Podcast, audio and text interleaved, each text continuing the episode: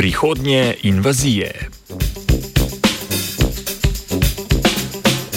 Znanstvena revija Global Change Biology je pretekli teden objavila obsežno raziskavo, v kateri mednarodna skupina znanstvenikov in znanstvenic napoveduje, koliko novih tujerodnih organizmov oziroma vrst, ki jih posredno ali neposredno širi človek, naj bi se v prihodnjih desetletjih na novo pojavilo v posameznih biogeografskih regijah.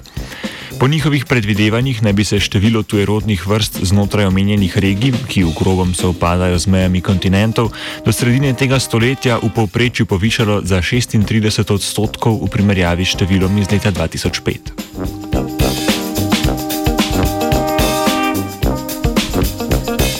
Raziskovalci in raziskovalke so za namene omenjene študije razvili matematični model, s katerim so ocenili število potencijalno invazivnih vrst in vzpostavili dinamiko preteklih invazij med letoma 1950 in 2005.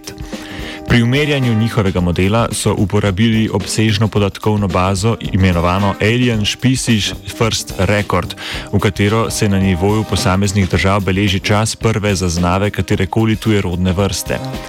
Rezultate omenjenega modela so ob predpostavki, da bodo prihodnji vnosi tujerodnih vrst potekali enako kot pretekli, ekstrapolirali za obdobje med letoma 2005 in 2050.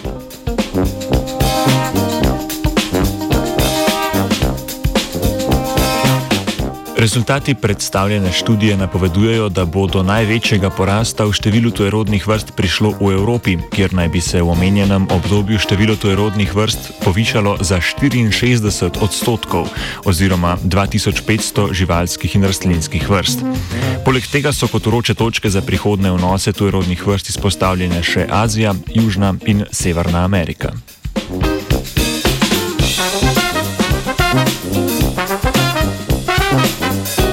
Čeprav vse tujerodne vrste nimajo negativnega vpliva na avtohtono floro in fauno, lahko predpostavimo, da se med predstavljenimi številkami najdejo številne vrste, ki bodo močno spremenile ekosisteme, v katerih se bodo po naši zaslugi pojavile.